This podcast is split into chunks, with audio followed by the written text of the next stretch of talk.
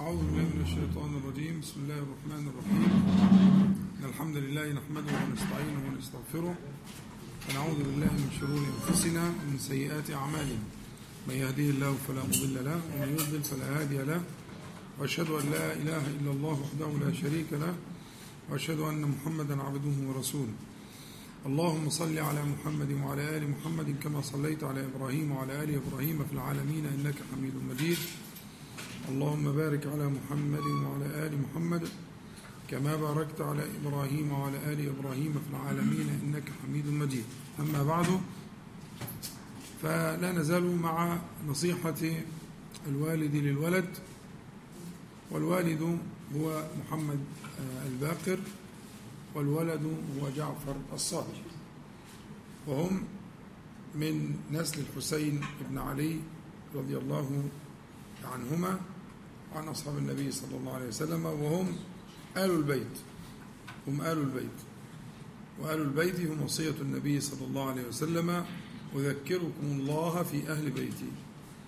وهو أحد الثقلين آه اللذين تركهما النبي صلى الله عليه وسلم فينا ومحبتهم من الإيمان وموالاتهم من الإيمان فلا ينافسنا في محبتهم ولا في موالاتهم منافس البتة. فالحسين هو الابن الأصغر لعلي رضي الله عنه من فاطمة رضي الله عنها بنت النبي صلى الله عليه وسلم الصغرى أصغر بناته صلى الله عليه وسلم. وولد الحسين رضي الله عنه عليا زين العابدين. سماه على اسم أبيه. وعلي زين العابدين هو الذي ولد محمد الباقر. ومحمد الباقر ولد له أخ يعني يعني علي زين العابدين. رزق بمحمد الباقر ورزق بزيد. زيد بن علي زين العابدين. زيد هو الذي ينسب إليه المذهب الزيدي أما محمد الباقر فقد ولد له جعفر الصادق الذي رزق بموسى الكاظم. هذه السلسلة أردت لك أن تحفظها. سلسلة مهمة. هم أقرب إليك من كثير مما أنت مشغول به. هم أقرب إليك. ليه؟ لأن هؤلاء هم وصية النبي صلى الله عليه وسلم. أذكركم الله في آل بيتي. أذكركم الله في أهل بيتي. كيف تعتني بوصية النبي صلى الله عليه وسلم وأنت تجهلها؟ أنت لا تعلمهم ولا تعلم أسماءهم ولا تعلم سيرهم ولا تعلم شيئا عنهم. محبة آل البيت من الإيمان. تركت فيكم حديث مسلم كما قلت المرة اللي فاتت. حديث مسلم تركت فيكم ما إن تمسكتم به لن تضلوا بعدي أبدا. كتاب الله قال صلى الله عليه وسلم وأهل بيتي. قال وآل بيتي عليه الصلاة والسلام. قال وعترتي. حديث شهير جدا. اسمه حديث غدير خم. حديث غدير خم. غدير غدير الماء.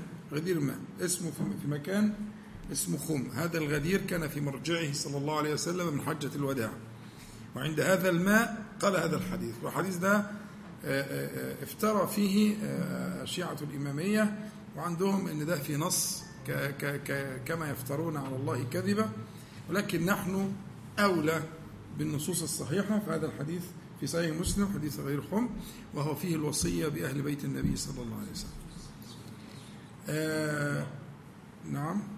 يعني البيت لغايه الاشراف آه سنتحقق.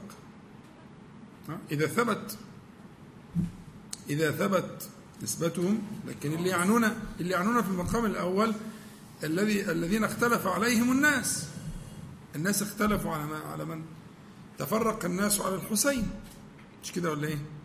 وعلى ناس أمال الشيعة قصتهم إيه؟ الشيعة الإمامية الاثنى عشر اللي قلبين الدنيا دي الإمامية اللي موجودين في إيران وموجودين في شرق الخليج والمملكه والقصص دي إيه دول؟ إيه اللي بيننا وبينهم؟ اللي بيننا وبينهم إنهم يدعون إن هم أولى بآل بيت النبي صلى الله عليه وسلم أولى بالحسين ويفترون على الله كذبا ويقولون بأن النبي صلى الله عليه وسلم نص على ولايتهم وأن القرآن قد آه، أخفى أهل السنة منه جزءا كبيرا اللي فيه النص على أهل البيت اللي فيه النص ويقولون أن ذلك موجود في سورة الأحزاب. وأن سورة الأحزاب هي أكبر وأطول من سورة البقرة وفيها النص الصريح على آل البيت واحدا على الأئمة الاثنى عشر. إماما بعد إمام وأن النبي صلى الله عليه وسلم قال ذلك. فإنهم يقولون مقالة الكفر. لكن لا يكفرون كلهم. مسألة تكفيرهم دي مسألة أخرى. وزي ما قلنا قبل كده أهل السنة يفرقون بين الإيه؟ الفعل والفاعل.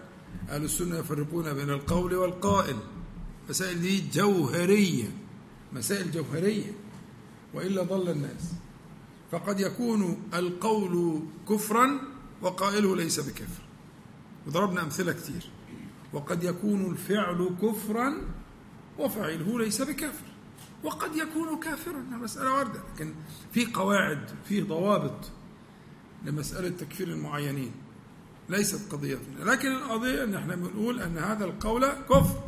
القول بنقص القرآن الكريم الذي بين الدفتين الذي حفظه الله تعالى كفر قول كفر. ولا كلام.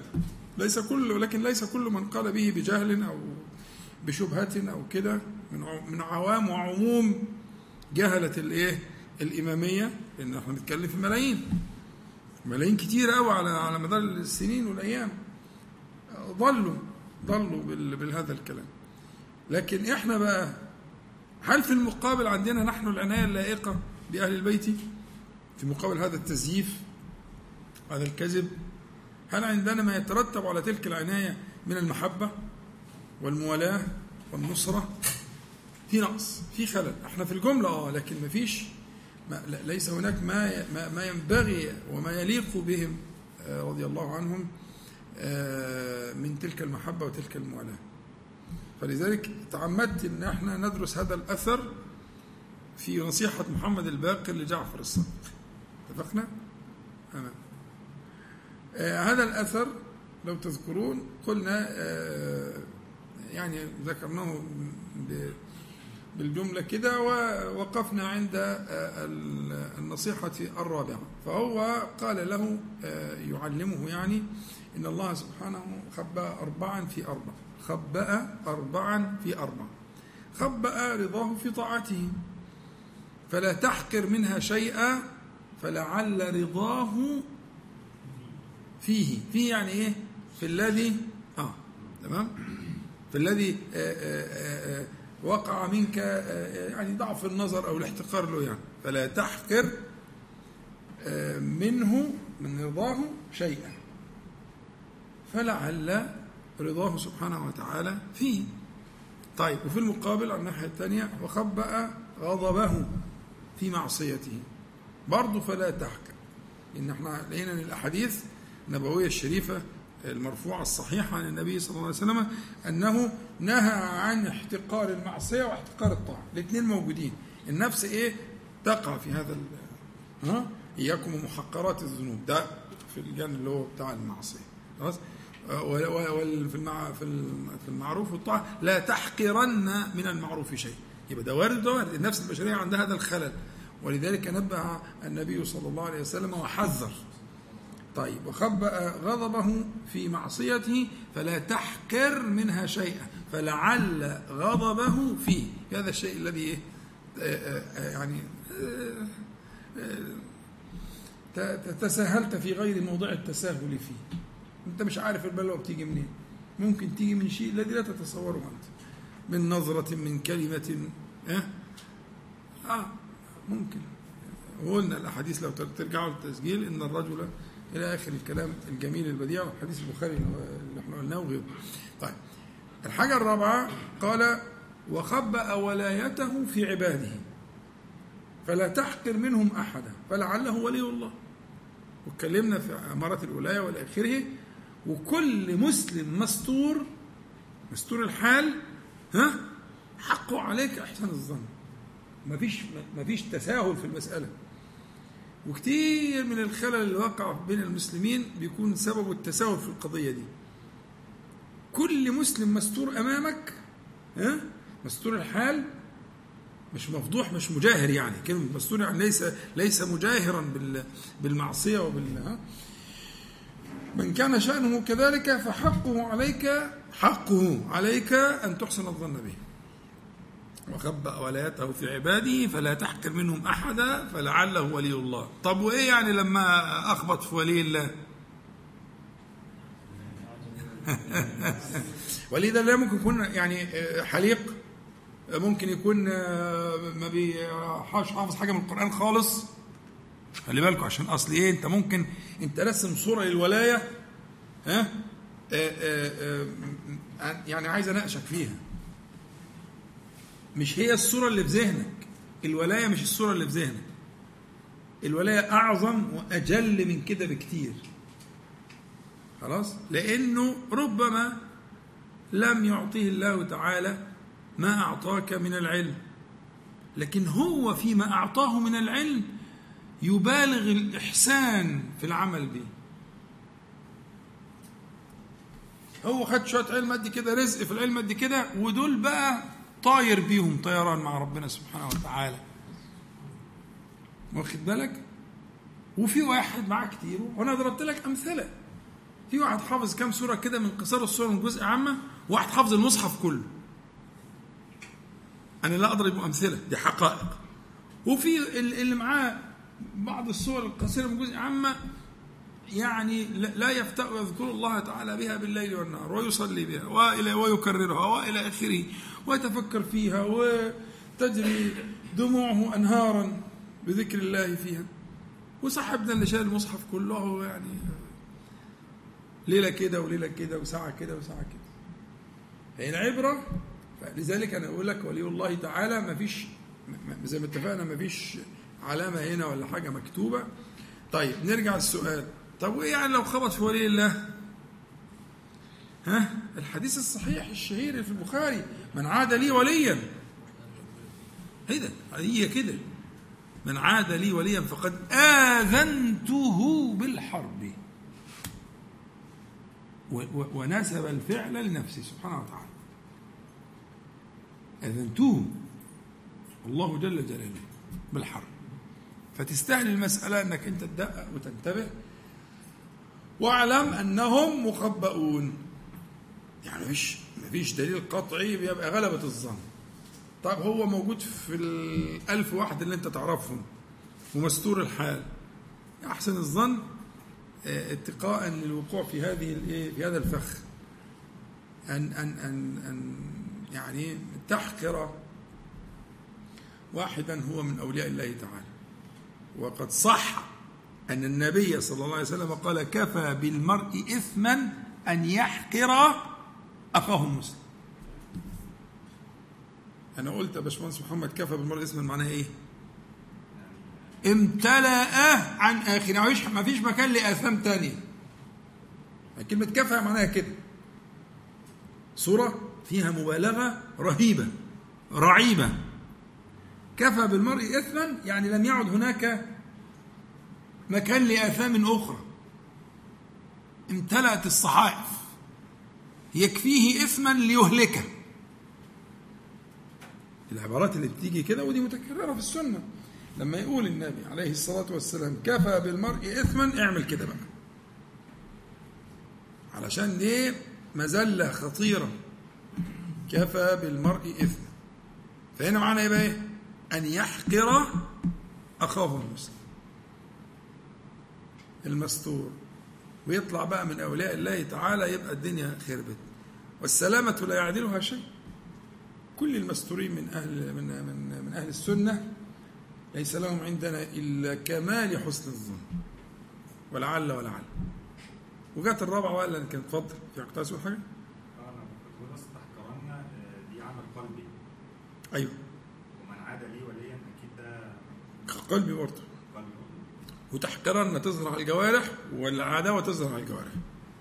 الأعمال دي مب- مب- مبدأها ومبناها على ما في القلب. مفيش واحد هيحقر بالفعل وقلبه سليم. ده ما ده معفو عنه. يعني لو عمل فعل هو من فعل الاحتقار وهو لا يقصد ذلك معفو. ده خطأ.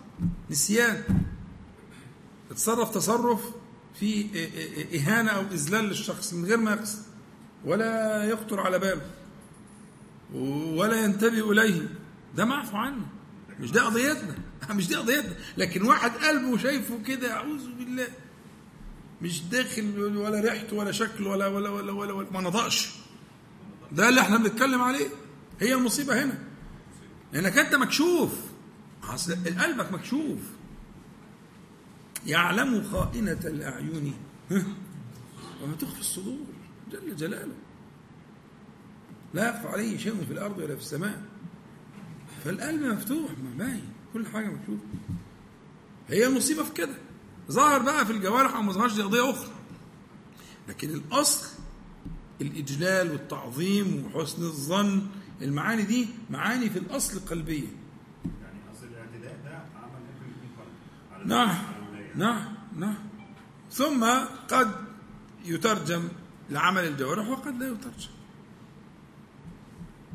بكى عندنا وخبأ إجابته في دعائه فلا تترك الدعاء فلعل الإجابة كانت فيه. تمام؟ وخبأ إجابته في دعائه. آه وقلنا إن الدعاء لنا فيه آه ثلاث كلمات. الكلمة الأولى في الدعاء اتكلمنا عن الوسائل. والوسائل جمع وسيلة والوسيلة مأمور باتخاذها. اتقوا الله ابتغوا إليه الوسيلة. وقلنا أن الوسائل عندنا في الدعاء ثلاث وسائل التوسل بأعظم شيء يتوسل به وهو بأسماء الله تعالى وصفاته. وده أعظم ما يكون. ثم التوسل بالعمل الصالح ثم التوسل بدعاء الصالحين من الأحياء. وقلنا إن ده الثلاثة موجودين في الفاتحة وذكرنا وارجع للتفصيل في الموضوع. الحاجة الثانية قلت لك ثلاث كلمات الوسائل والحاجة الثانية الكيفية. وقلنا إن الكيفية كيفية الدعاء لو تذكرون بثلاث بثلاث كيفيات. اولا بصريح الطلب وده الأكثر صريح الطلب. وأمثلته موجودة كتير وتسمعونها إن شاء الله. بعد كده التعريض بوصف الحال والحاجة الثالثة التعريض بالثناء على الله تعالى. التعريض بالثناء على الله تعالى. وقلنا إن بوصف الحال مشهور طبعا زي ربنا ظلمنا أنفسنا. رب إني لما أنزلت إلي من خير فقير إلى آخره. أنا بصف حال أنا. بس ما طلبتش. خلاص؟ لكن الرتبة العالية جدا واللي بتيجي في مواقف شديدة جدا زي موقف يونس عليه السلام اللي هي التعريض بالثناء على الله تعالى الثناء المجرد. وقلنا أن طريقة الثناء طريقة بلوغ الطلب في الثناء له طريقان. له طريقان. الطريق الأول أنك حينما تذكر أسماء الله تبارك وتعالى وصفاته جل جلاله كأنك مستجيب كأنك مستجيب لقول النبي صلى الله عليه وسلم في الحديث القدسي يحكي عن ربه سبحانه وتعالى أن الله عز وجل قال من شغله ذكري عن مسألتي أعطيته أفضل ما أعطي السائلين فكأنه استغرق كأنه كذلك يعني حتى لو كان تكلفا كأنه كذلك أنه استغرق في ذكر الله تعالى وسكت عن مطالبه عن مرادته. والحديث صحيح حديث قدسي. من شغله تحسنه الحافظ ابن حجر في إملاءاته على كتاب الأذكار الإمام النووي. لأن في حديث ثاني ضعيف بس قريب منه يعني من شغله القرآن وذكره. لكن هو القرآن ما هو من الذكر فيصح في المعنى. لكن الذي يصح سندا حسن سند حسن اللي هو الحديث من شغله ذكري عن مسألتي أعطيته أفضل ما أعطي الذكري الباب الثاني أو الطريق الثاني من الطرق اللي نبلغ بها أن تضمن بنيتك وبقصدك مرادك في لفظ من ألفاظ الذكر كما قلنا في دعاء عرفة خير الدعاء دعاء عرفة وخير ما قلت أنا النبيون من قبلي. يعني في يوم عرفة لا إله إلا الله وحده لا شريك له له الملك وله الحمد وهو على كل شيء قدير. فضمن مرادك في كل مرة تقولها تقولها ألف مرة مئة مرة مئات المرات في كل مرة. ضمن مرادا من تلك المرادات في آه ذكرك. يبقى انتهينا من الوسائل والكيفيات. ونقف على البصائر. وفي الحقيقة هي أخطر حاجة في القضية هي البصائر. لأن البصائر آه، يعني أغلب الخلل الموجود في الدعاء عندنا هو في آه، في في هذا الباب في باب البصائر. البصائر كثيرة وكلام أهل العلم فيها آه، كثير وجميل ومطول أحيانا. لكن ما أريده منك أن تتصور معي وأن تفهم أن تلك البصائر كلها تدور على شيء واحد. إحنا هنتكلم في بصائر. أنا اجمع لكم يعني إن شاء الله خمسة بصائر. لكن تلك البصائر تدور كلها سواء ما ذكرته أو ما أجملته وجمعته من غير إلى آخره كل تلك البصائر في قضية الدعاء تدور على أو تنبني على شيء واحد. شيء واحد هذا الشيء هو حسن المعرفة بأسماء الله تعالى وصفاته. لأنك في حال الدعاء أنت تدعو الله تبارك وتعالى بأسمائه وصفاته ترجوه آه، فيما أنت فيه فعلى قدر ما رزقك الله تعالى من المعرفة المعارف. إحنا المعارف هنا هتترجم لسلوك. الدعاء عبارة عن الدعاء هو أجلى أجلى صورة من صور ترجمة المعارف للسلوك. إنك بتسأل ربنا في كل حاجة بتسأله في الغنى والدفع والخوف والرغبة والرهبة والعيل والمال ولا كلها تتعلق بأسماء وصفات كثيرة عند ربنا سبحانه وتعالى. الشفاء إلى آخره. آه، مبناها على علم الله تعالى على قدرة الله تعالى على رحمة الله تعالى على حكمة الله تعالى على عدل الله تعالى. مبناها على الأشياء دي. فعلى قدر ما رزق الله تعالى من تلك المعارف على قدر ما يكون التوفيق في تلك البصائر آه، التي تحقق في القلب اللي هقوله لك دلوقتي إن شاء الله. يبقى أنا القضية عندي الخلل الكائن في الدعاء إنما هو مبناه على التقصير في معرفة آه، معرفة الله تعالى بأسمائه وصفاته. وربنا سبحانه وتعالى عرفنا بذاته العلية بالأسماء والصفات أجمل وأعظم وأبسط أبسط معناها البسط يعني السعه يعني وأبسط ما يكون التعريف. هي المشكلة في التقصير مننا. فمن تعرف على الله تعالى كما يجب وكما ينبغي بالأسماء والصفات في القرآن الكريم وفي السنة سيتحرك فؤاده ولسانه وحاله في دعائه واللجوء إليه على ما يليق بجلال الله تعالى. لكن المشكلة تكمن في إن في قصور هيبان إن شاء الله في الكلام دلوقتي في الشرح في قصور كبير جدا في التعرف على أسماء الله تعالى وصفاته من عموم وخصوص الناس حتى أهل طلبة العلم وغيره في خلل كبير جدا عند المتدينين قبل ما يكون عند غير المتدينين. خلل كبير جدا. بل ربما يفوق غير المتدينين في بعض الأبواب. يفوقون الناس في حسن ظنهم بالله تعالى وفي آه، آه، كمال محبتهم وخوفهم له سبحانه وتعالى. يبقى إحنا بنقول إن إن حسن التعرف على الله تعالى بأسمائه وصفاته آه، يحقق في القلب كمال المحبة وكمال الخوف وحسن الظن وكمال الرجاء وبالغ الرجاء في الله تعالى.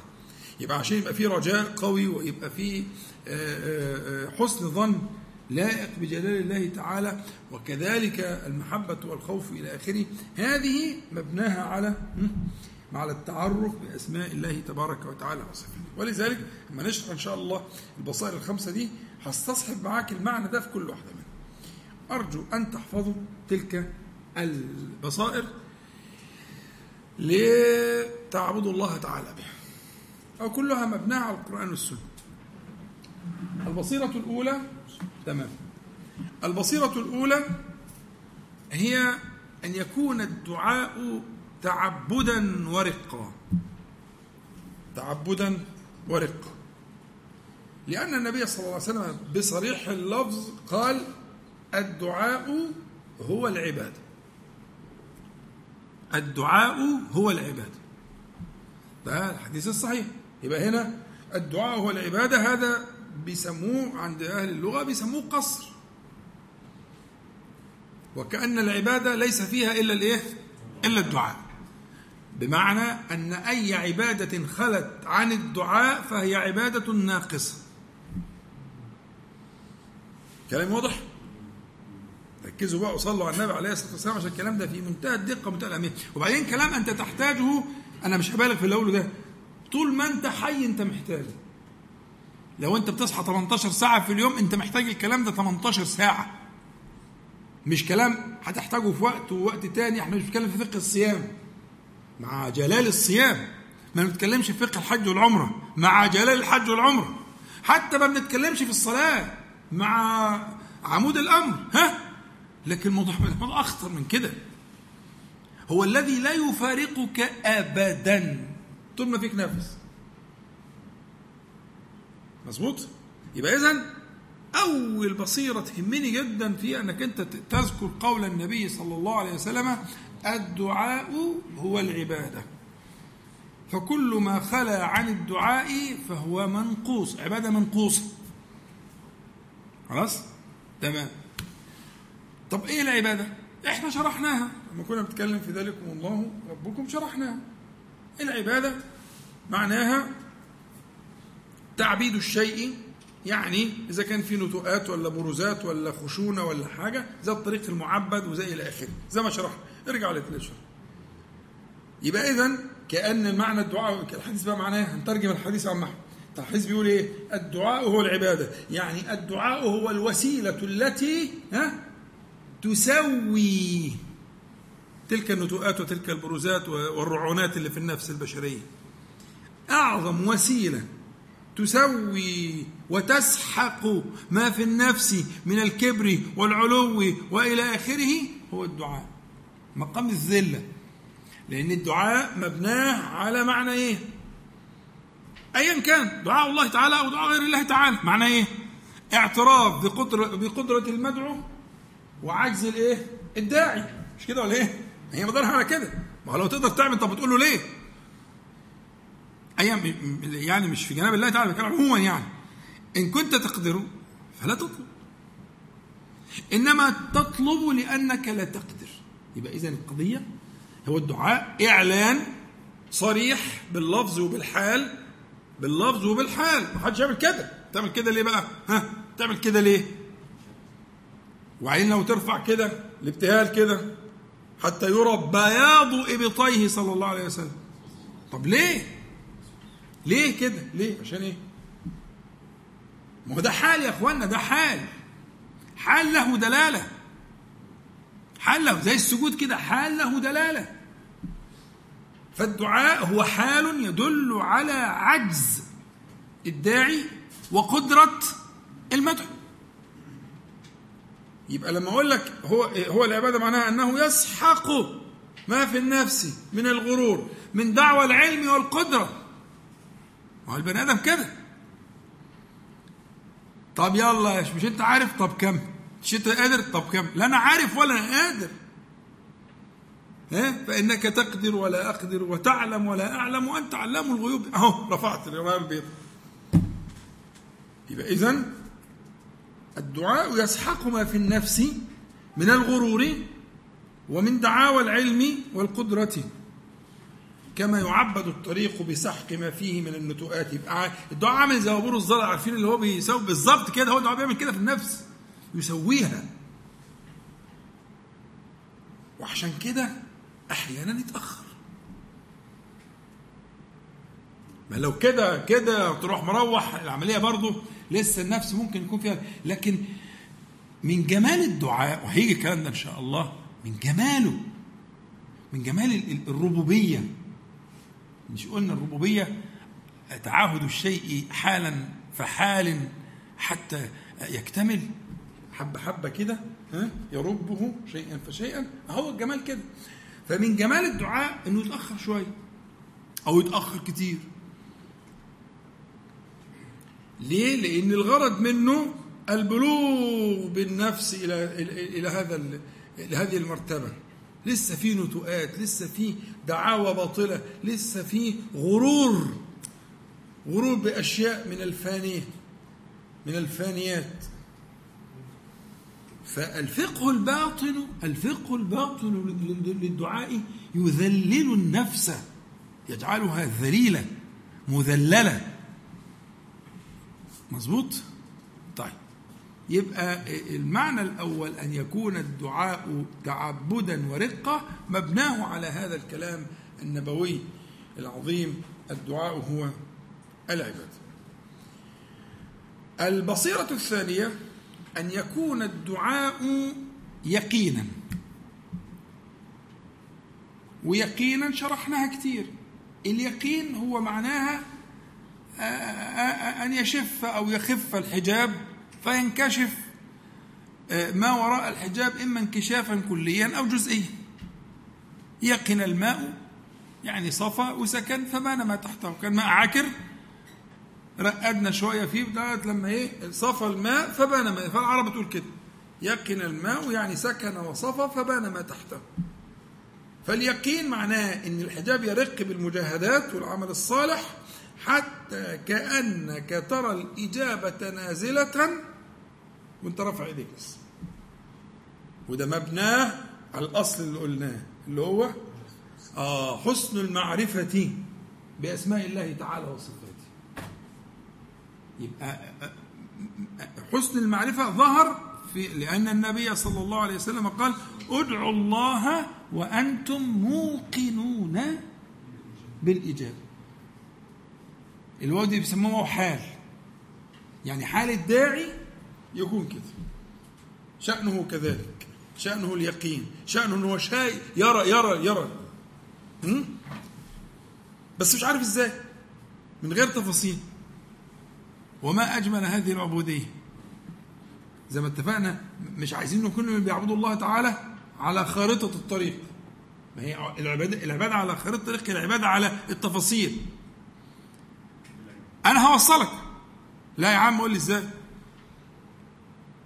يا خلاص أنا هوصلك يا عم. لا من قبل ما نتحرك. قول لي بس هنمشي كده ونروح في كده ونساوي ماشي الكلام ده بينك وبين صاحبك. ماشي. ها؟ لكن لو عملته مع والدك هتبقى تقيلة. ها؟ طب واللي بيعمله مع ربي سبحانه وتعالى؟ دي بلوى. دي عبودية إيه دي؟ يا خد بالك يعني أنت حتى لما لما التلميذ يبقى مع أستاذه ولا معلمه ولا مع شيخه قول له لا يا عم قول الحكاية هبقى عالم إزاي؟ قول لنا المنهاج كله من أوله لآخره عشان نمشي معاك. مقبولة يعني بين البشر وبعضهم مقبولة لكن هي دي المشكلة. لكن ال ال ال لما قال عليه الصلاة والسلام ادعوا الله وأنتم موقن حالة كونكم يعني. وأنتم موقنون بالعبادة معناها اللي أنا بقوله ده. حالة كونكم ترون ترون الإجابة نازلة لكن لا تعلمون الكيف بلا كيف. لماذا؟ لأن شأنه تعالى كله بلا كيف. أنت اعترفت إن, أن, أن أنه بلا كيف. طيب بتسأل ليه على الإجابة؟ ما الإجابة برضه بلا كيف. بلا كيف.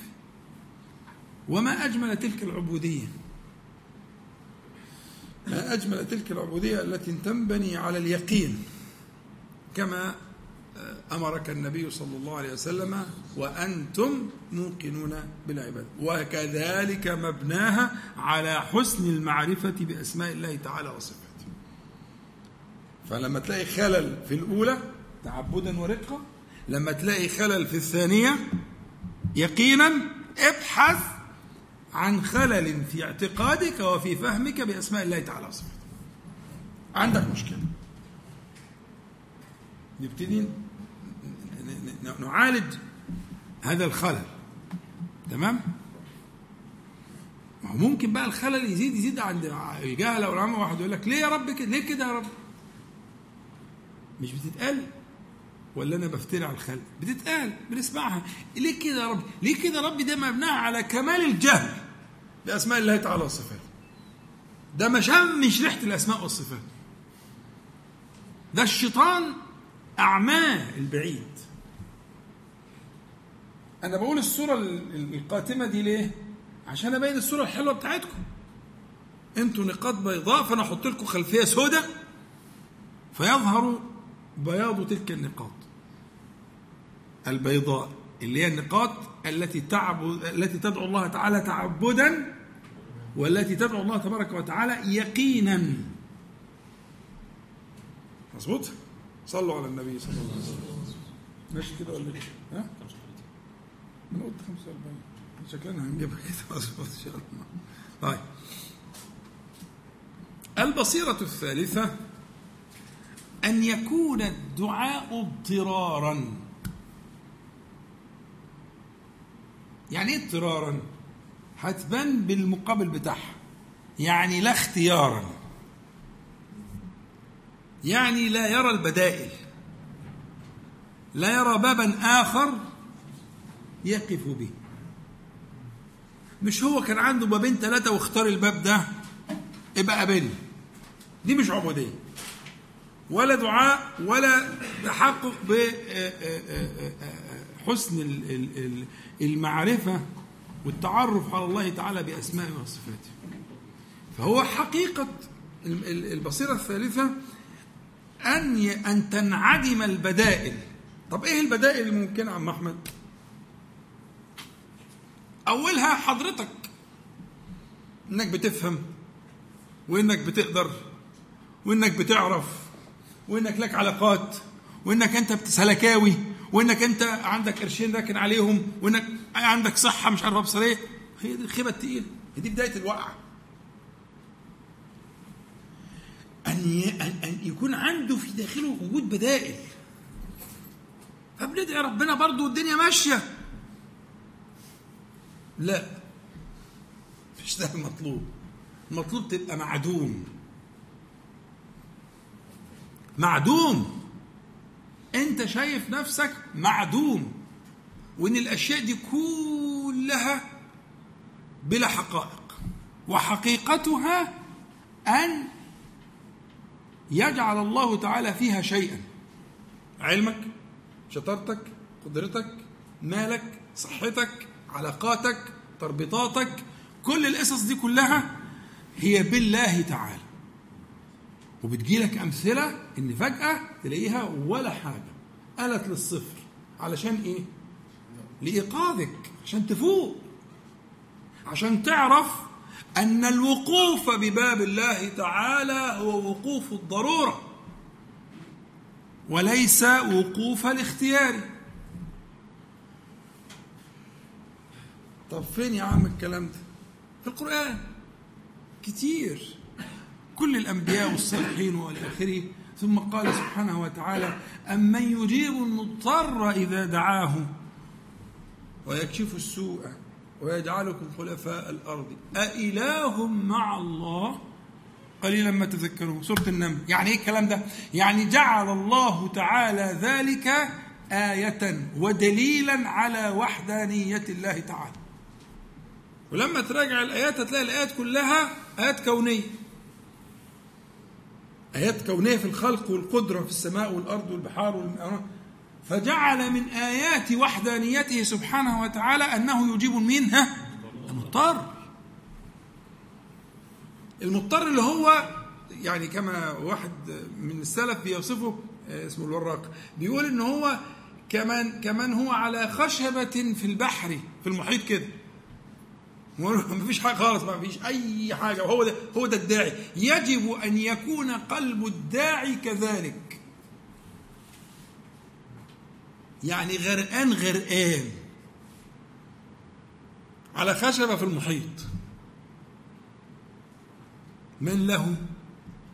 إلا الله جل جلاله. والمثل اتضرب في القرآن في سورة الإسراء وفي غير في المواضع كتير إن ربنا سبحانه وتعالى جعل ذلك علامة أنه ينجيكم في ظلمات البر إلى آخر الآيات المعاني الجميلة البديعة.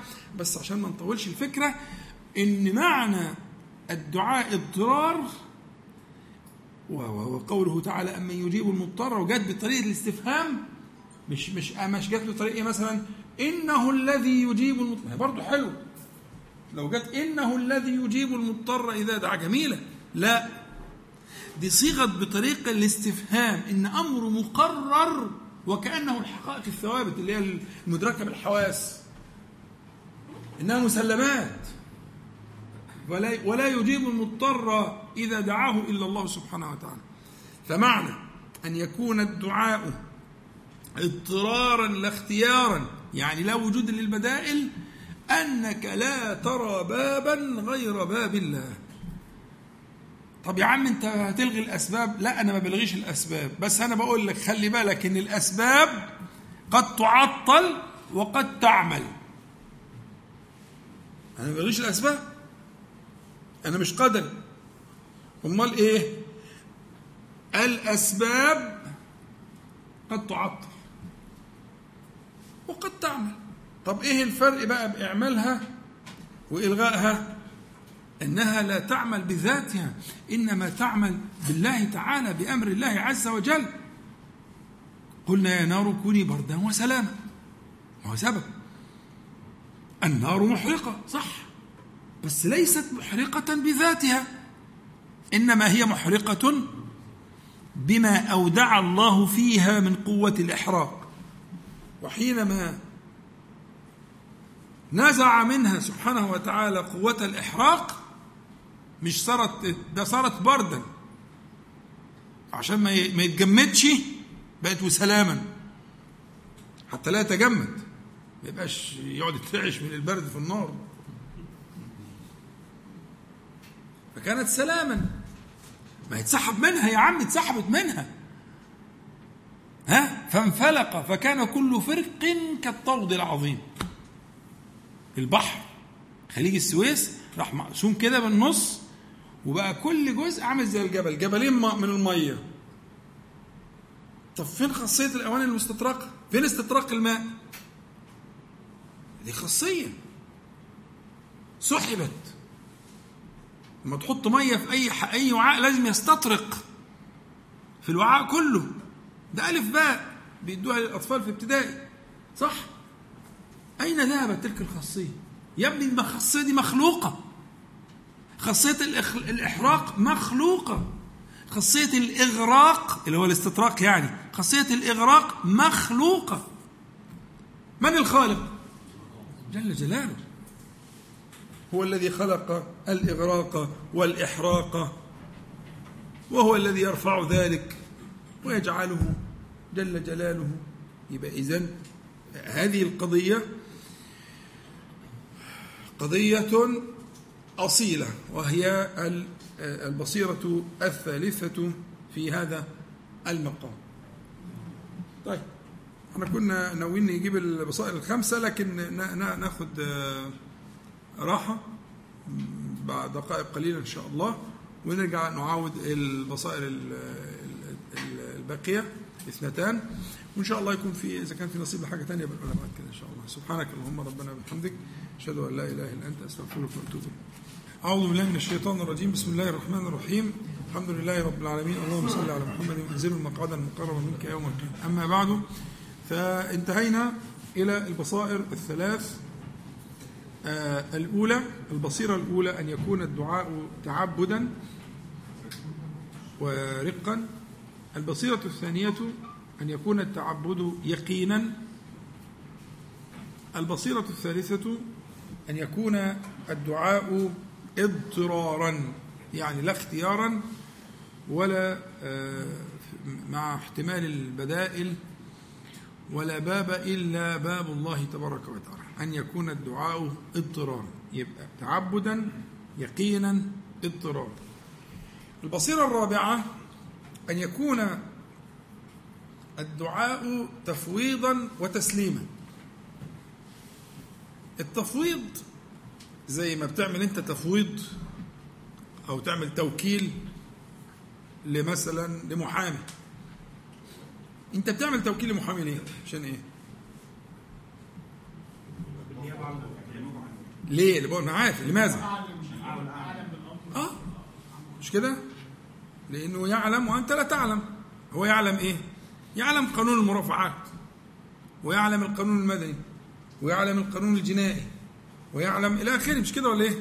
فانت عندك نزاع في مثلا في حاجة فإلى آخره طب ما توفر مصاريفك وتروح أنت تقول ما ينفعش ما ينفعش ليه يا عمي؟ علشان هو يعلم وأنا لا أعلم مظبوط؟ حلو قوي آه طب افرض أنت قريت وذاكرت ومش عارف إيه وكلام زي كده وحصلت جزء من العلم أو العلم اللي أنت متصور إنه يكفيك لهذه هتيجي تروح تقف قصاد القاضي هيقول لك آه، انت ده اي درجة من درجات المحامين. بتقدم انت بيبقى المفروض ان انت محامي آه، رتبتك كذا في النقد في إلى اخره فبالتالي هو في ميزة أخرى المحامي في ميزة أخرى غير إن هو يعلم ويقدر. يقدر أن يذهب إلى ال- ال- الحجز أو للسجن أو إلى آخره أو يقدم مذكرة أو يخش أو من حقه يطلع على أوراق أو يطلب آه، يطالع ال- أوراق الدعوة إلى آخره. فبالتالي هي فكرة التوكيل أو فكرة التفويض مبنية على استحضار المعنى اللي موجود في آه، دعاء الاستخارة. دعاء الاستخارة صريح في هذه المسألة. بمعنى إن دعاء الاستخارة أنت بتقول فيه فإنك تقدر ولا أقدر وتعلم ولا أعلم وأنت علام الغيوب. قف بقى معي عند العبارة دي دي اللي تهمني. تقدر ولا أقدر تعلم ولا أعلم وأنت علام الغيوب. جميل. إن بنى على هذا الاعتراف بالعجز والجهل إن بنى عليه إنك انت فوضت وكلت القادر العليم سبحانه وتعالى. طب انت لما بتستخير في حاجة مش المفروض ان في احتمالين؟ انت بتستخير في حاجة ان كان ان كان مثلا زواجي من فلانة خير لي في ديني ومعاشي وعاقبه امري وعلي. طب افرض ما حصلش نصيب يبقى الخير في كده. انت بتقول كده. ما هو العقد اللي بينك وبين ربنا سبحانه وتعالى مقتضيات العقد في الاستدعاء الاستخارة انك انت موق- موقع على إيه؟ على بياض. انت موقع على بياض. يعني انت رضيت بتكتب رضيت. طب رضيت على إيه؟ لسه ما عرفتش. أنا لم أعلم بعده.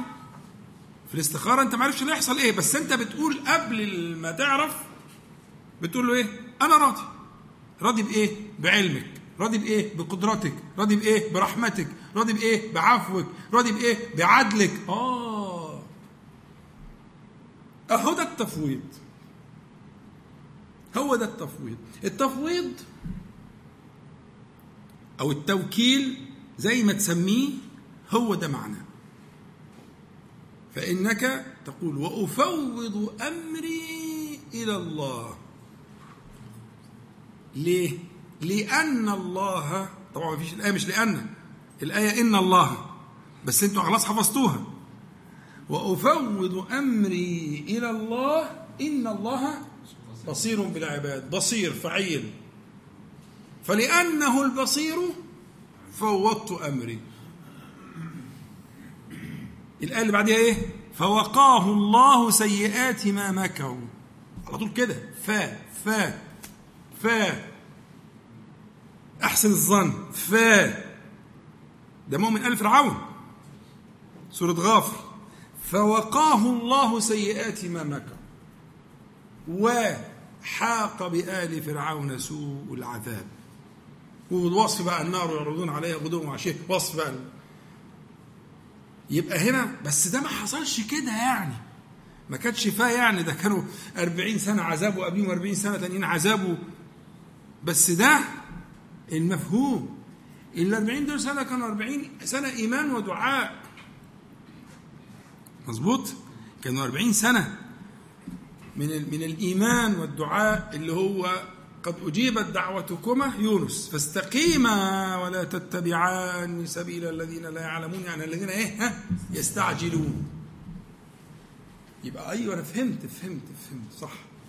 يبقى قضية التفويض مبناها على حسن الظن بالله تعالى بأسمائه وصفاته وإن بنى على كده إن أنا سلمت أمري في الاختيار لله تبارك وتعالى. ليه؟ لأنه المتصف بالكمال في تلك الأسماء والصفات. كلها العلم والقدرة والرحمة والعفو والعدل؟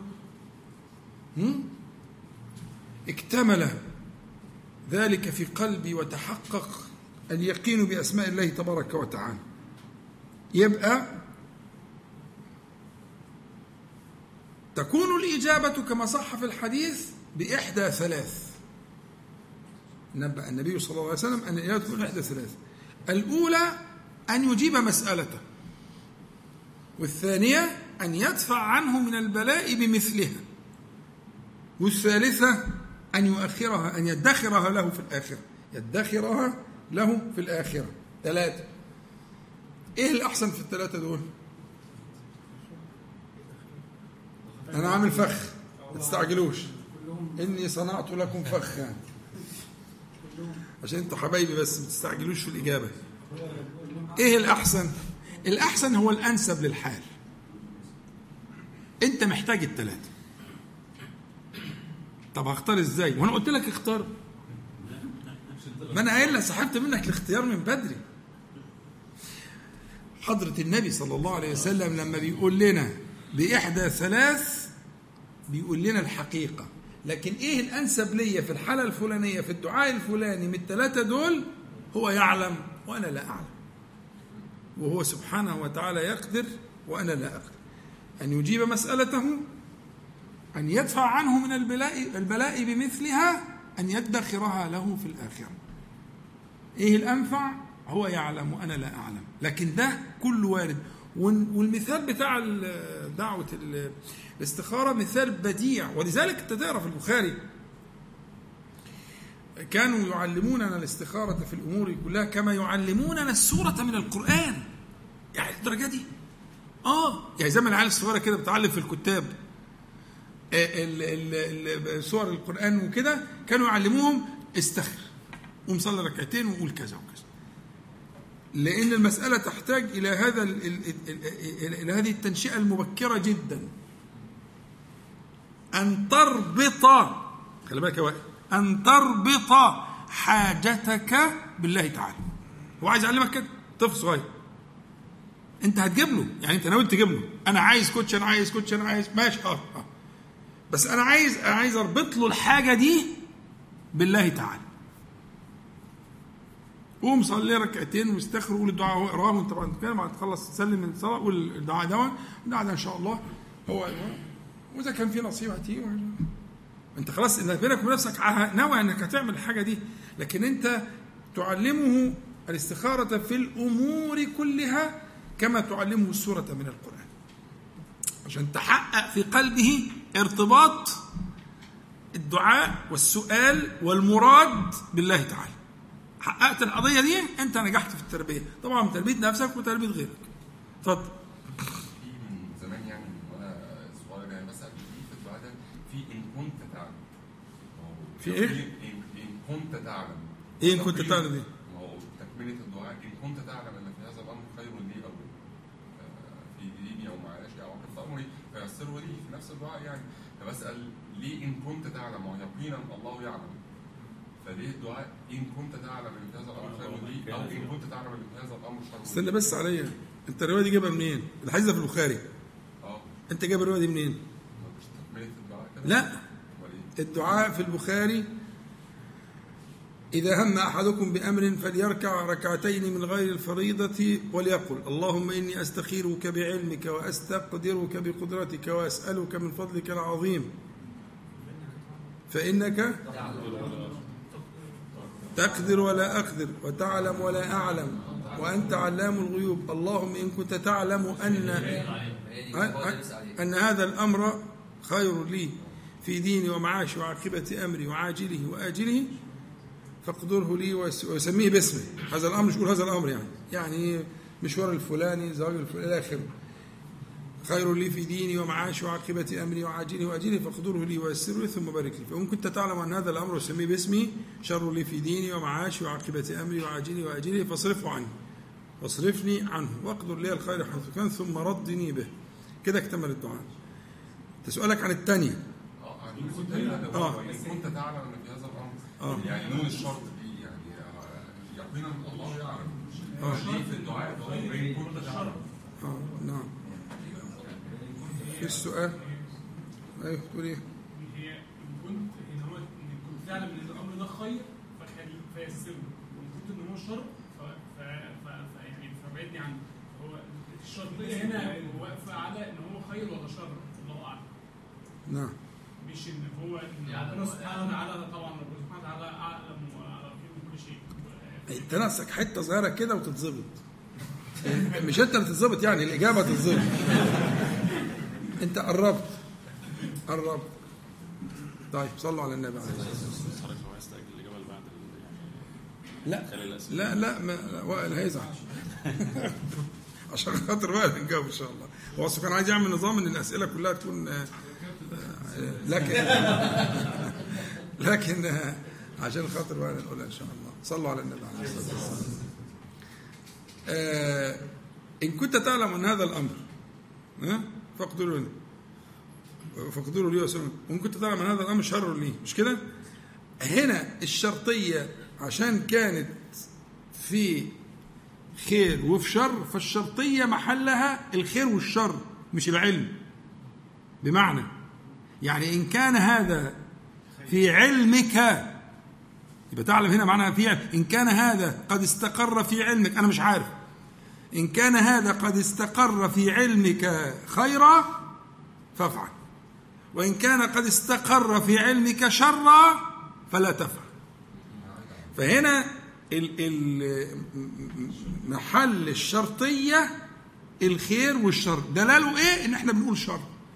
يبقى أنا وكلت وكلت ذلك إلى علمي سبحانه وتعالى. فأنت تعلم وأنا لا أعلم. فإن كان ذلك في علمك خيرا وده معناها ف وإن كان ذلك في علمك شرا فلا تفعل. تمام؟ طب السؤال ليه جت بالعبارة دي وما جاتش بالعبارة الثانية دي؟ لا المقام ده ما يناسبوش. ده ده, ده يعني وجه من وجوه البيان لا يناسب المقام. لكن من شاء منكم بعد الحصة نشرحها إن شاء الله. اللي هو الوجه البياني. ليه ما جاتش من غير إن كنت تعلم دي؟ إزاي؟ تيجي إن كان؟ إن كان هذا الأمر ما انت بتقول كده لا أنت بتقول إن كنت تعلم أن هذا الأمر. ماشي. هو بقى ليه ليه- ليه ما جاتش من غير من غير الزيادة دي؟ تمام؟ ده وجه بيان نشرحه إن شاء الله. بس يعني عشان خاطر آه، باشمهندس ما ما يشدش الفيشة فنكمل إن شاء الله. لكن إذا حب حد عنده يعني أي خلفية في البيان وكده نشرحها له إن شاء الله.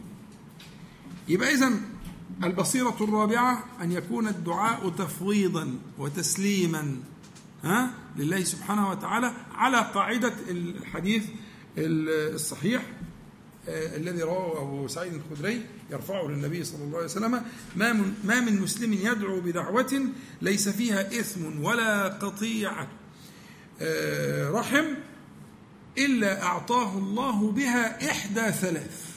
الثلاث اللي قلناهم. إما أن يستجيب لدعوته وإما أن يدفع عنه من البلاء بمثلها وإما أن يدخرها له في الآخرة. هم الصحابة لما سمعوا الكلام ده بس بقى دول الصحابة عشان تفهم فقه الصحابة يعني. أن يدفع عنه من السوء بمثلها فالصحابة قالوا له إيه؟ للنبي عليه الصلاة والسلام إذا نكثر. ما أصلها ما بتخيبش. الرمية ما بتخيبش. الرمية ما بتخيبش.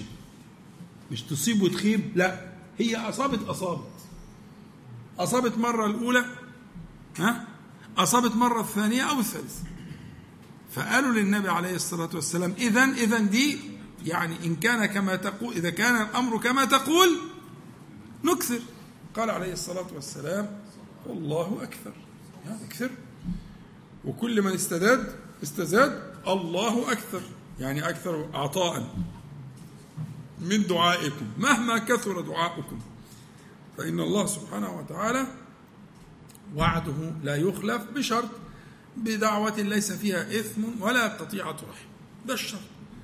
خلت عن المعاصي والدعوة ما يكونش يعني فيها الغل والحقد والحاجات اللي زي كده.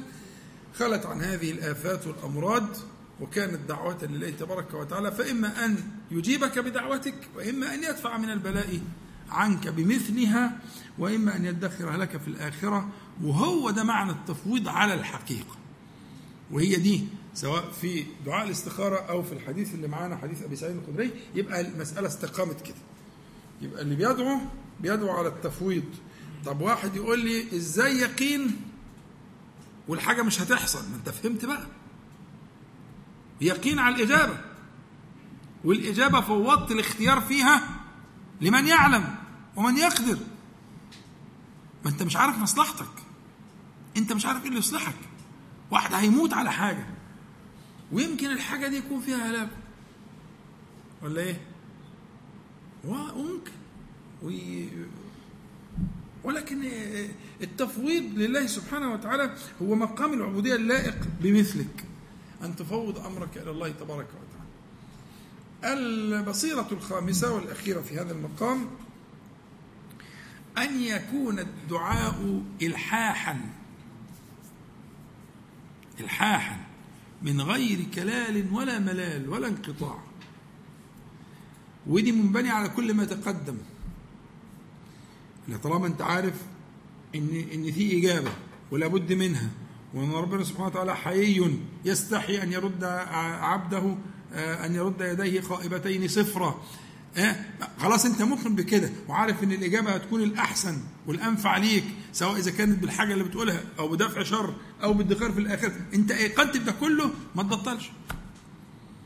لا تقف عن الايه ولذلك قال عليه الصلاة والسلام فيما صح من الحديث يستجاب لأحدكم ما لم يعجل.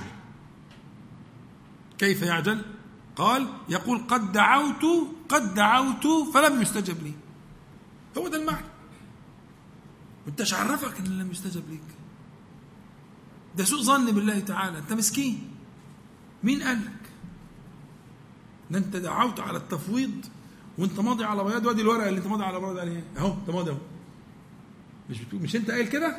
مش انت مفوض أمرك لله سبحانه وتعالى؟ راجع في كلامك ليه؟ تفويضك معناه أنت متأكد. يقينا يقينا دعاء يقينا. نازل أهو. بس اللي نازل هو الأصلح والانفع ليا مقام التفويض اللي إحنا اتكلمنا عليه هو المقام الذي يحملك إلى قضية الإلحاح. يقينك ان الله سبحانه وتعالى سيجيبك حتما. يبقى يستجب لأحدكم ما لم يعجل. كيف يعجل؟ قال عليه الصلاة والسلام يقول قد دعوت فلم يستجب لي. فينقطع. وهذا من شر ما يكون ومن سوء الظن بالله تبارك وتعالى. مع هذه البصائر الخمسة أن يكون الدعاء تعبدا أن يكون الدعاء يقينا أن يكون الدعاء اضطرارا أن يكون الدعاء تفويضا أن يكون الدعاء إلحاحا. تكتمل الأركان الرئيسة لحال العبادة. والعبادة ما فيش عبادة تخلو عن الدعاء. يلا أنا وأنت هو فكر كده. في عبادة خلت عن الدعاء؟ أيا كانت. نعم؟ يا هذا الزكاة ده بنص القرآن الكريم. بنص القرآن الكريم إن الزكاة إن خلت عن دعاء القبول والرجاء من الله سبحانه وتعالى أن يتقبلها يبقى فيها على خطر بالغ في القرآن وفي السنة. ومش كده وبس ده مأمور في الزكاة مأمور في الزكاة إن العامل على الزكاة يدعو ويدعى له. يعني العامل على الزكاة نفسه يقال يقول بارك الله لك فيما أنفقت أخلف الله عليك فيما أنفقت وبارك الله لك فيما أبقيت. يعني عملية التبادل إن هو بياخد منك وبيدي لك بيدي لك هذا الصك. وأنت ربنا تقبل منا إنك أنت السميع العليم وتب علينا إنك أنت التواب الرحيم. وإن أنت حينما تؤدي الزكاة إنما تدعو الله سبحانه وتعالى بالقبول والذين يؤتون ما آتوا وقلوبهم من أول ومن أكبر ما فسر به هذا الموضع الزكاة. يؤتون. الإيتاء ده هو فعل الزكاة. وقلوبهم وجهة يا تقبل يا ما تقبل. يا رب تقبل يا رب تقبل.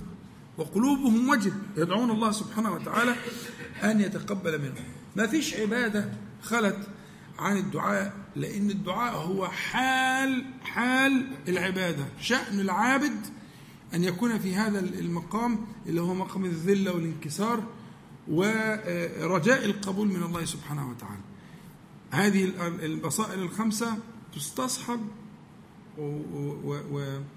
وتراجع في العمل وفي الحياة لعل الله سبحانه وتعالى أن يبلغ المرء آه، شهودا لأسماء الله تعالى وصفاته في آه، حال الدعاء فيرى ما يليق بجلال الله تعالى من الأسماء والصفات في هذه المقامات التي قلناها. فكل مقام من هذه المقامات الخمسة كان فيه مشاهد من الأسماء والصفات اليقين له تعلق بالأسماء والصفات اللائقة به آه، الاضطرار ومن يجوب المضطرة وهكذا. لما تراجع النصوص هتلاقي كلها قد علقت بالأسماء والصفات اللائقة به. في أي آه، اتفضل الدعاء آه، تفويض وتسليم بالتالي كده بيتعارض مع صريح الدعاء يعني أنا ممكن مثلا ادعو بالنجاح عايز انجح بعد مزاجي بس ده ممكن ما يكونش في مصلحتي يعني المفروض ما ما ادعوش بالنجاح أو ما ادعوش مثلا بالغنى ممكن الغنى يفسدني آه، تمام تمام تمام. أحسنت. أنا قلت لكم مرة قبل كده أنا كنت في الكلية وأنا رايح امتحان الصبح بستخير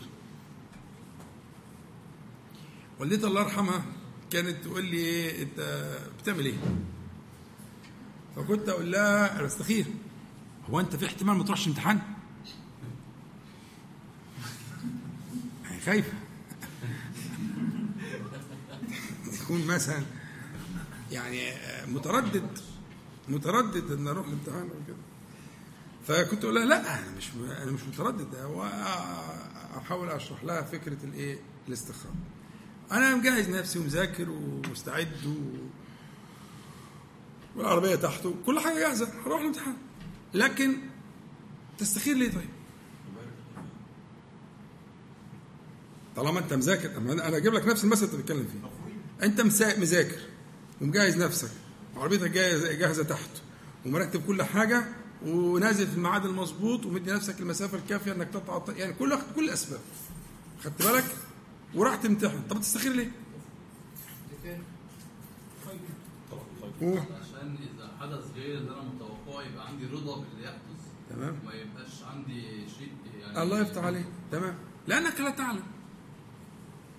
أنت الظاهر إن نجاحك خير بس أنا مش هدعو كده بالنجاح يعني حضرتك ما أنا أخش الامتحان وأنجح. ما داخل الامتحان علشان إيه؟ ما أنت داخل عشان تنجح. يعني, يعني الامتحان ده الامتحان ده الامتحان ده وسيلة للنجاح.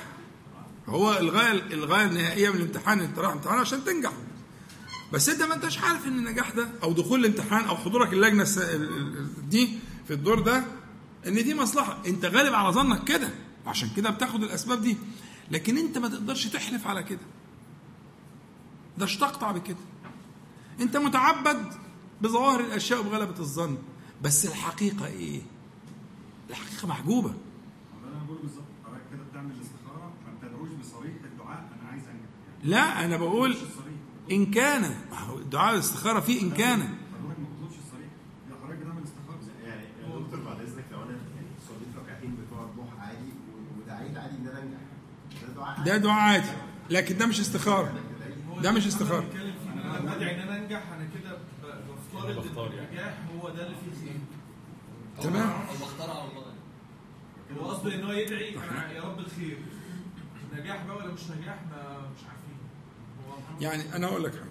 لما مثلا واحد يقول ربنا اغفر لنا ذنوبنا وكفر عنا سيئاتنا وتوفنا مع الأبرار.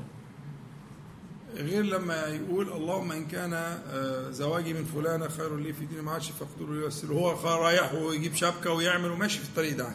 في فرق ولا مفيش فرق؟ إيه الفرق؟ دي حاجة للاخره حاجة مش إيه اللي خلاها؟ عشان آه، يقينية أنت متأكد منها متأكد من خيرها.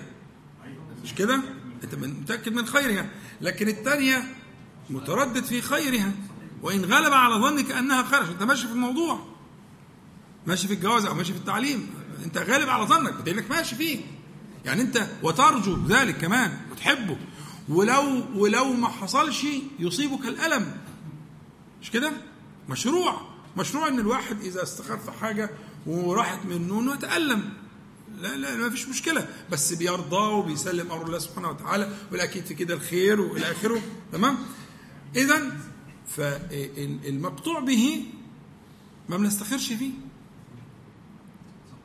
مش كده؟ طب اسالك سؤال. ينفع الواحد يستخير إنه يصلي الظهر؟ طب يستخير إنه يحج ليه؟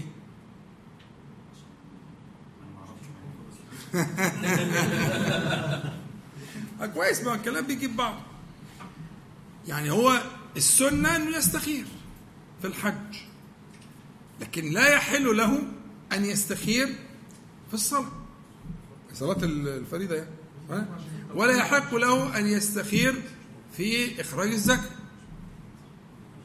ما لكن هو لا هو لأن يا أحمد لأن اللي بيستخير في الحج ما بيستخيرش على أصل الحج. هو بيستخير على إن السنة دي مع الرفقة الفلانية بالطريق الفلاني بالطيران مش هو بيستخير على الأشياء دي. ولا يستخير على أصل الحج.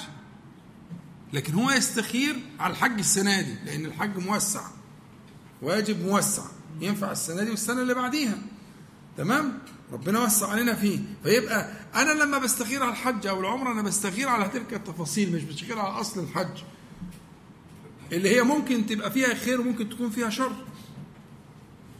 ما استخرتش على الظهر والعصر وما استخرتش على الواجبات المضيقة دي ها؟ علشان إيه؟ علشان ما فيهاش احتمالين هي احتمال واحد. أوجبها الله تبارك وتعالى في زمان مخصوص بهيئة مخصوصة بشكل مخصوص. وبالتالي لا يستخر ما فيش فيها الاحتمالات. وعلى كل كل ما تدعو الله تعالى به على هذه القاعدة.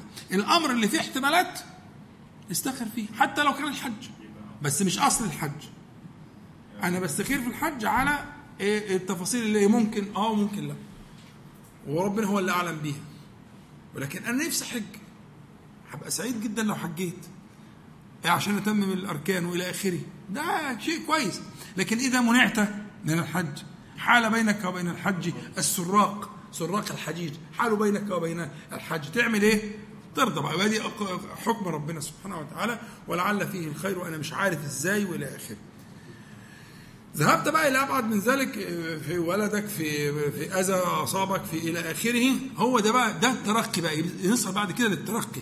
إن ممكن الإنسان استخار في حاجة وحصل فيها ألم شديد جدا من فقد ولد أو فقد عزيز أو مال أو كده. تمام؟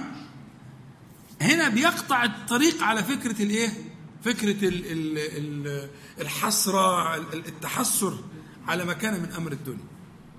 خلاص إحنا استخرنا وقدر الله ما فعله وهو ربنا. أكيد فيها الخير مش عارفين إزاي. دي طريقة أهل الإيمان. ودي الطريقة اللي موجودة في القرآن الكريم على وصف أهل الدين وأهل الإيمان. ف يعني هو في ده ارتباط فكرة التفويض واخد بالك؟ بمسألة العزم على والطلب المؤكد على شيء. آه فيما يقبله وفيما لا يقبل ذلك. أنا لا لا لا لا, لا, لا أتردد في طلب العفو والمغفرة والجنة.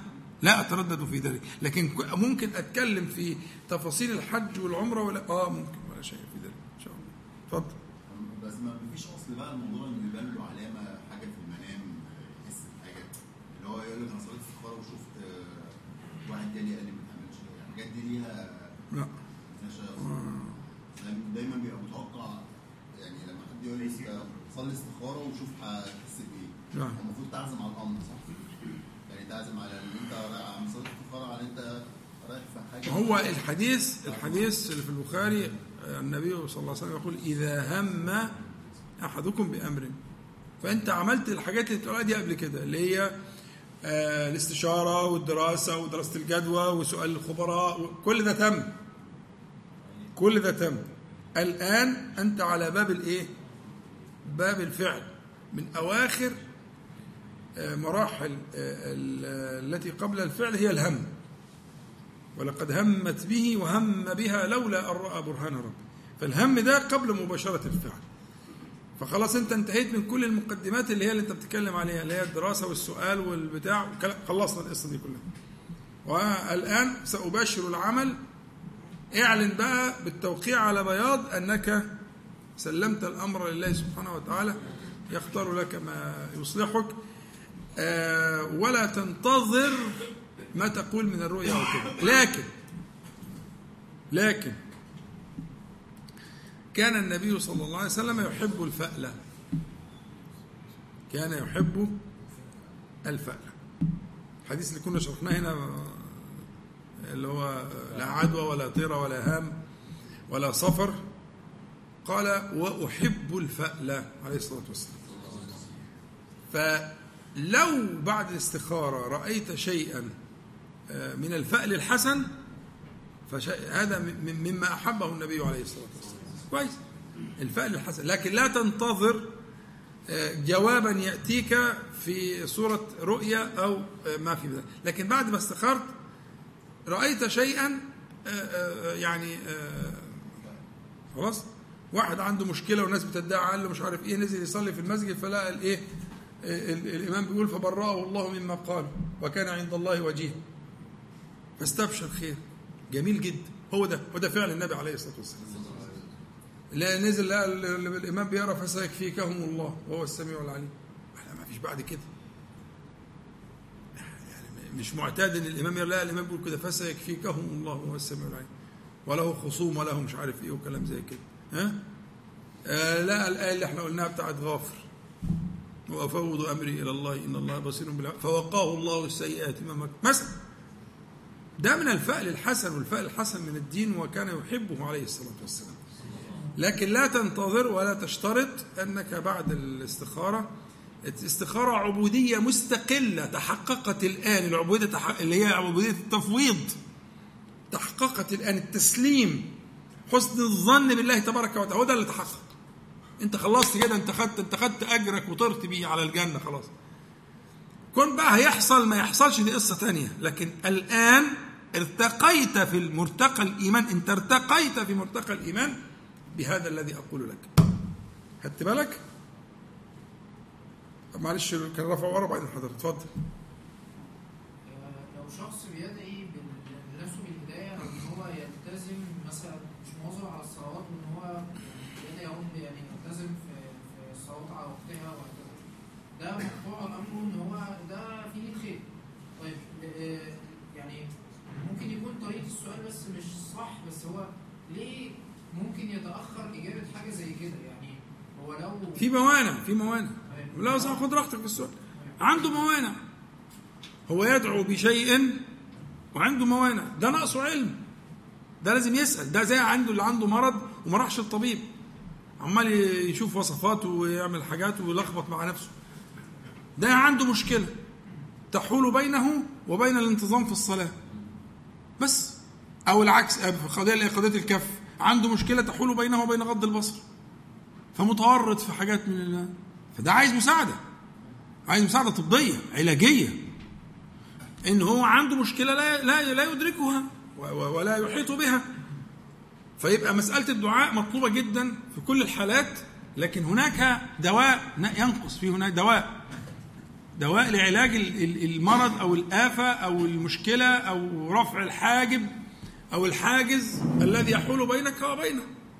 بس فيستمر على الدعاء ويشوف ويشوف الدواء آه يشوف الدواء لأن ال ال الأدواء لها أدوية ربنا سبحانه وتعالى أنزلها. ما أنزل داء إلا وأنزل له الدواء. علمه من علمه وجهله من جهله. فيشوف الدواء يكون فين لكن يستمر على الدعاء ومع أخذ بأسباب مداواة المشكلة. الله أعلم. في الحالة ديت الاستمرار في الدعاء بيقع في المراتب الثلاثة اللي حضرتك ذكرتهم في الحديث. إن هو بس مش في بس مش في ترك الصلاة. تمام. لا أنا قصدي أنت سالت أنت سألتني عن الصلاة. لا لكن يعني. مش لا مش كم ما يستويش. إحنا إحنا فرقنا مع الباشمهندس محمد على إيه؟ على مشروع رب ربنا اغفر لنا ذنوبنا ويبقى فيها احتمالات. كفر عنا سيئاتنا وفيها احتمالات. ده على الحزم والجزم خلصت. مفيش مفيش هو احتمال واحد. أنت تسأله ذلك. مش ده على الله. إحنا بنتكلم على اللي فيه ثلاث احتمالات النبي عليه الصلاة والسلام ما لم, يكن اثما ولا بإثم أو بقطيعة رحم ده الشرط بكده يعني من الأشياء الدنيا أشياء الدنيا لكن الأشياء الباقية على الحزم والجزم مفيش فيها تردد خدت بالك؟ فإن كان في في صلاة في إقامة الصلاة والمحافظة عليها مفيش تردد. لكن لو كان في شراء شيء أو زواج أو بيع وكده أو إنجاب أو ولد واحد عمال يدعي إن ربنا رب لا تذرني فردا رب لا تذرني فردا وخد بكل الأسباب وإلى آخره ولم يرزق الولد. ده يخش بقى في الثلاثه دول. قولا واحد من الباب الملكي. مش عرفك. خدت بالك؟ فما كان من مما يتعلق بالإيمان والدين فالحزم فيه والجزم ولا ولا احتمالات في التردد لكن هنا دعاء النبي عليه الصلاة والسلام ما من مسلم يدعو بدعوة ليس فيها. يبقى إحنا بنتكلم في اللي يحتمل إن يكون فيه إثم أو قطيعة رحم. ها؟ لا بد له من إحدى الثلاث. لكن ال- ال- ال- قضية الاسم وقطيعة الرحم كيف تدخل في الصلاة أو في إيتاء الزكاة أو كيف تدخل؟ أو في المغفرة أو في العفو أو في الجنة محال. فهذا محمول على أن يكون الدعاء متعلقا بما يحتمل اللي هو من الدنيا. اللي ممكن حاجة في الدنيا تكون مقربة إلى الله تعالى وتكون غير ذلك. هو ده المقصود. تمام؟ اتفضل.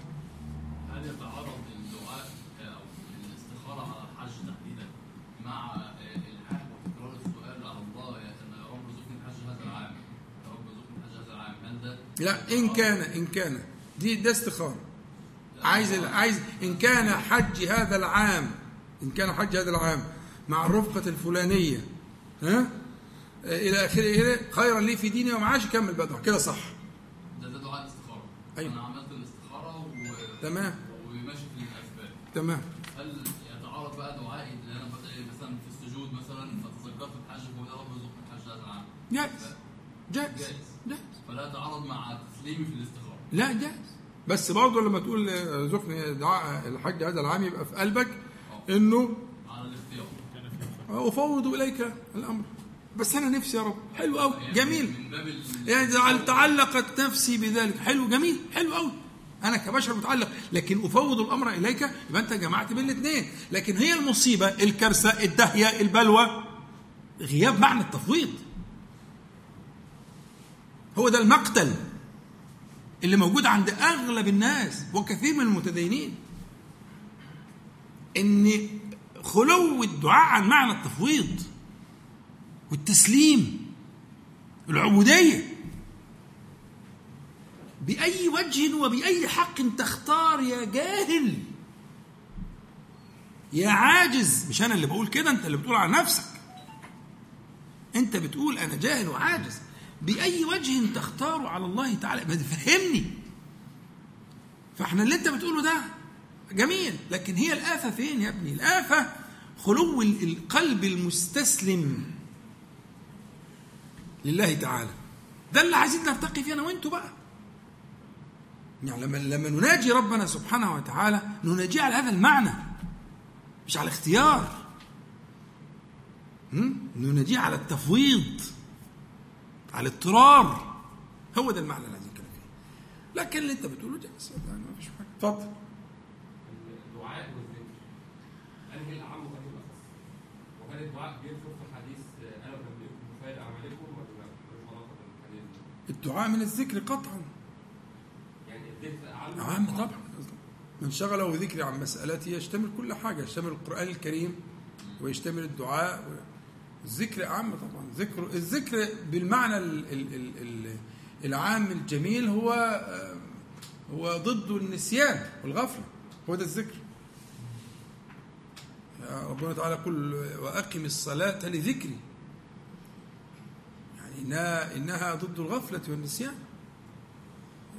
ذكر الله تعالى اولا هو حضور وشهود القلب. ولذلك إحنا عندنا الذكر ثلاث مراتب. في ذكر القلب فقط وفي ذكر اللسان فقط وفي اجتماع القلب واللسان وهو اعلاها وارقاها في ذكر القلب. القلب مشغول بالله تعالى. في حال من من الذكر واخد بالك؟ وبعدين قد يواطئ اللسان ما في القلب فيتحرك اللسان بما في القلب وده أعلى رتبة. فيجتمع اللسان مع القلب في الذكر. وقد ينفرد اللسان. واحد يقول أذكار المساء وأذكار الصباح ودماغه في حتة تانية خالص. ودي موجودة عند الكل. مفيش حد يخلو منها. تقل وتق وتكثر فيبقى هنا انفرد اللسان. ممكن انفرد اللسان. مأجور برضه. بس ليس كرتبة إيه؟ من تواطأ لسانه مع قلبه. الله. معلش أحمد رفع كذا مرة. اتفضل. هل حد استخار كل ما يمشي فيه يلاقيه واقف كل ما يمشي فيه يلاقي في جيله هنا يقف في جيله هنا يقف. هل دي علامة على الأمر ده خلاص الواحد يتوقف عن السعي فيه ولا لأ؟ يتوقف عن الدعاء ولا عن السعي؟ لا عن السعي. لا السعي دي مسألة ترجع للاستخاء الاستشارة والدراسات وال- والتفكر والعلم والأسباب الدنيوية. لكن ال- الذي ينبغي ألا يتوقف هو الدعاء. لكن أنا آه، أعيد النظر. أعيد النظر وأعيد الاستشارة وأوسع دائرة الاستشارة وأشوف ناس أكثر علما ودقة وتخصص في كده.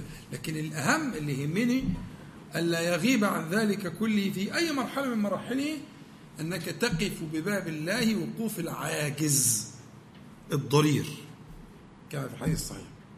العاجز الضرير. لا بسمع ولا بشوف ولا برى ولا ولا ولا في أي قدرة ولا كفاءة ولا حاجة خالص. كلما ترقيت في العبودية كلما ارتقيت في تلك المعاني. حتى لا ترى نفسك ألبتة. أنت ولا حاجة. مش أنت طبعا يعني. أنت ولا حاجة. في هذا المقام أنا ولا حاجة. مفيش. ده مقام العبودية. يرى كل شيء بالله تعالى. النفس اللي بيطلعه ده هو الذي أوقفك. هو هو سيدنا موسى من من من يعني سيدنا موسى ده حكاية صحيح ولو علينا يعني آه، آه، منن في قصة المعراج والصلوات وخمسين صلاة والقصة دي ومراجعته عليه السلام للنبي صلى الله عليه وسلم. وأنه خبر الناس من قبل النبي و يعني حكاية. فهو سيدنا موسى لما بيقول إن أنا ذكرتك فمنك وإن أنا شكرتك فمنك فكيف أبلغ شكرك؟ فكيف أبلغ شكرك؟ قال الآن شكرتني؟ في الآثار الإسرائيلية الأثر مشهور. هي دي الفعل إن أن ترى ال- ال- ال- ال- ال- الذكر منه وأن ترى الدعاء منه وأن ترى الشكر منه. وأنت ولا حاجة. أهي ولا حاجة دي اللي بلغها موسى عليه السلام. بس كانت حال بقى مش كلام. إحنا بنقول كلام. لكن هو حاله عليه السلام أنه رأى نفسه كذلك. قعد يفكر. طب أشكرك إزاي؟ بس كان إذا كان شكري لك هو منا منك. هو منك. سجودي وركوعي ودعائي إنما هو منك. حينما تنعدم رؤيتك لقدرتك بالشكل ده أنت على الباب وقفت بالباب الصحيح. إن شاء الله. حد عايز يقول حاجة؟ اتفضل. الفيس؟ اللي أنت عايزه. ليه؟ طيب نشوف السؤال الأخير ده. ها. ليس فيها إثم ولا قطيعة رحم. هو قطيعة رحم من الإثم. دي فصلت عن آه أنت بقالك كتير آه، معانا ولا إيه؟ إحنا قلنا الكلام ده كتير. صلى على النبي عليه الصلاة والسلام. إحنا عندنا في في في كلام العرب والقرآن طبعا والسنة بلسان عربي حاجة مشهورة جدا اللي هي آه، عطف الخاص على العام. لمزية في الخاص يعني الخاص بيبقى فيه آه، مزية تحتاج التنصيص عليها لاهميته ده كتير جدا في القرآن والسنة والأمثلة كثيرة جدا. إنما يعطف الخاص على العام للحاجة للتنبيه على ما في هذا الخاص. فيهما فاكهة ونخل ورمان.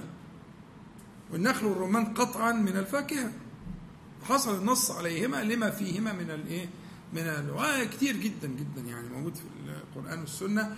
فإذا وجدت ذلك فانتبه لهذا الخاص الذي ذكر. يبقى أنت خلاص عرفت العام لكن الخاص المذكور ده له ضر فيما نحن فيه الآن. طيب في حد عنده حاجة تانية؟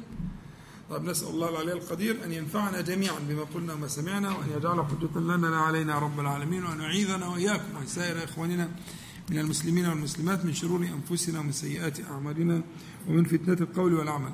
بسم الله والحمد لله اللهم صل على محمد النبي وأزواجه أمهات المؤمنين وذريته وأهل بيته. كما صليت على آل إبراهيم إنك حميد مجيد.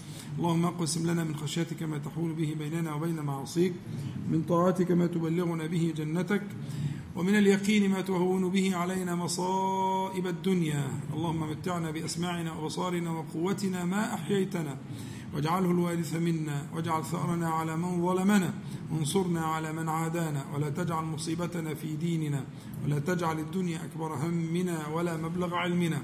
ولا تسلط علينا من لا يرحمنا. اللهم ربنا آتنا في الدنيا حسنة وفي الآخرة حسنة وقنا عذاب النار. اللهم صل على محمد النبي وأزواجه أمهات المؤمنين وذرياته وأهل بيته كما صليت على آل إبراهيم إنك حميد مجيد. والحمد لله رب العالمين. نقول جميعا سبحانك اللهم ربنا وبحمدك أشهد أن لا